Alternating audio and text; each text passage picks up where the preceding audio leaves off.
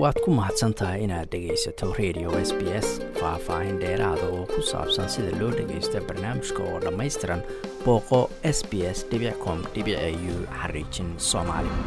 Guddiga tartanka iyo macaamiisha ee loo soo gaabiyey a triple c ayaa uga digay dadka burcad xeeladooda sii kordhinaysa si ay dad u dhacaan uguna qanciyaan iyagoo sheeganaya inay ka socdaan hay'ado sax ah. Marka la eego tirada dadka la dhacay ama la qayaanay ayaa la ogaaday in dadka sida gaarkaa loo beegsaday ay yihiin kuwa da-doodu ka weyn tahay lixdan iyo shan sano. Matt cool oo ah nin maalgashada suuqyada saamiyada ayaa dib u xasuustay markii uu dareemay in boqolaal kun oo doolar laga dhacay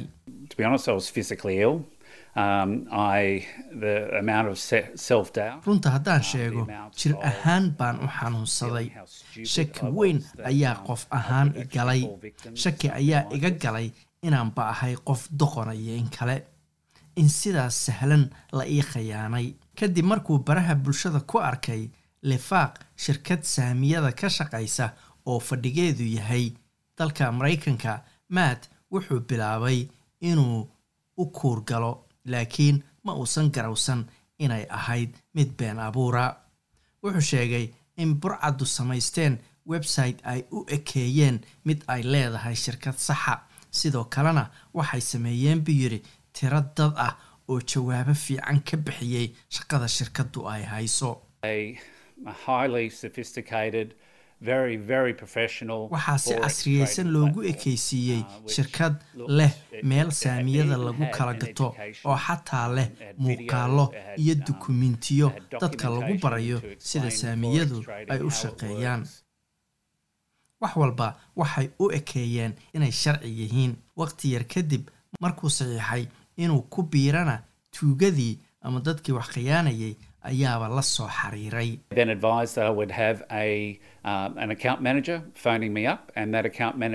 waxay ii sheegeen in qof xisaabaadkiisa maamuli doona uu soo wici doono. Maamulahaas ayaa isoo wacay laba saacadood kadib. Halkaasna waxaa ka bilowday xiriir socday afar bilood muddo ah. Daaliya rikard ayaa sheegtay in heerka sare ee casrinimada ee looga soo shaqeeyay khayaanadu ay aada u sarraysay taasna ay keentay in dad yar ay ka badbaadi kareen.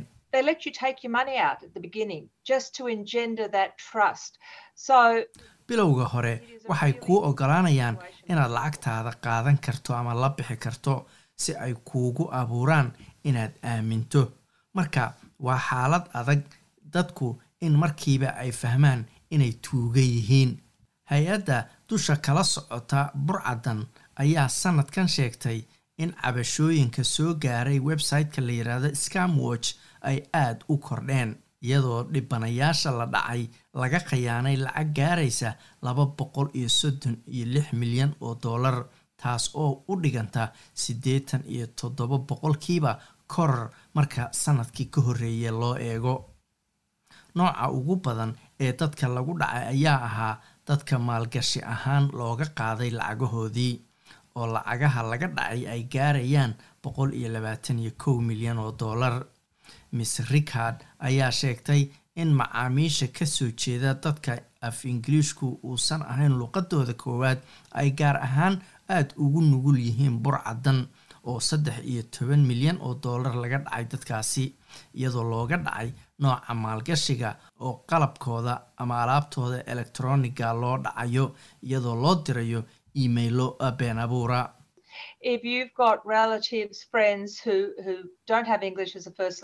Haddii qof aad qaraabo tihiin saaxiibkooda ama saaxiibadood oo aan ingiliishka ku hadlin ama afkooda koowaad ahayn ama aan ku fiicnayn fariinta ku saabsan tuugada ku gaarsiiya ama ugu sheeg afkooda ay garanayaan. Waxay ku dhiirigelinaysaa dadka inay ka gudbaan cabsida iyo shakiga oo ay dhibka ku dhacay iyo waxa lagu sameeyey u sheegaan website-ka scam watch.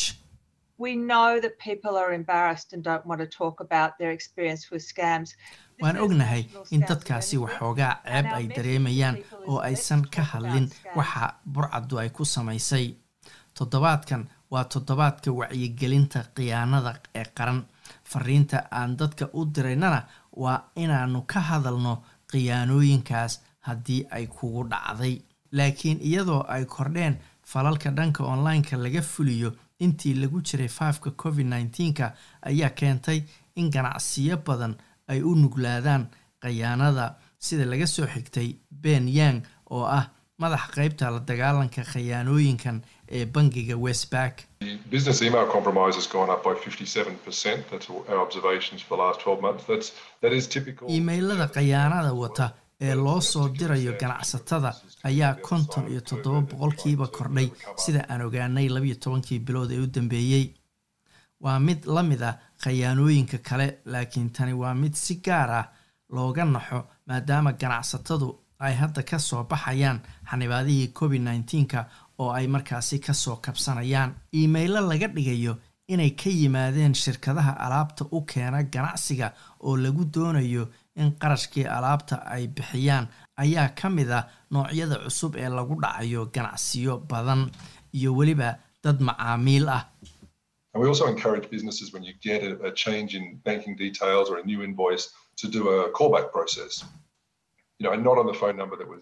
waxaan ku dhiiragelinaynaa ganacsatada in haddii shirkadaha wax ka gadaa ay bedelaan lambarkooda ama warqadda qaansheegashada ee invoiceka loo yaqaano ha wicin lambarka emailka ku qoran ee wac lambarkii hore oo ah mid aad hubto inuu yahay si aad u xaqiijiso inuu yahay shirkaddii aadna u hubiso in emailka uu sax yahay waad ku mahadsantahay inaad dhegaysato raadiyaha s b s. Toos u dhegaysa barnaamijka habeenada arbacada iyo jimcada tobanka fiidnimo. Ama kaga soo cesho website-ka iyaga iyo s b s radio app. Booqo s b s com au xariijin soomaali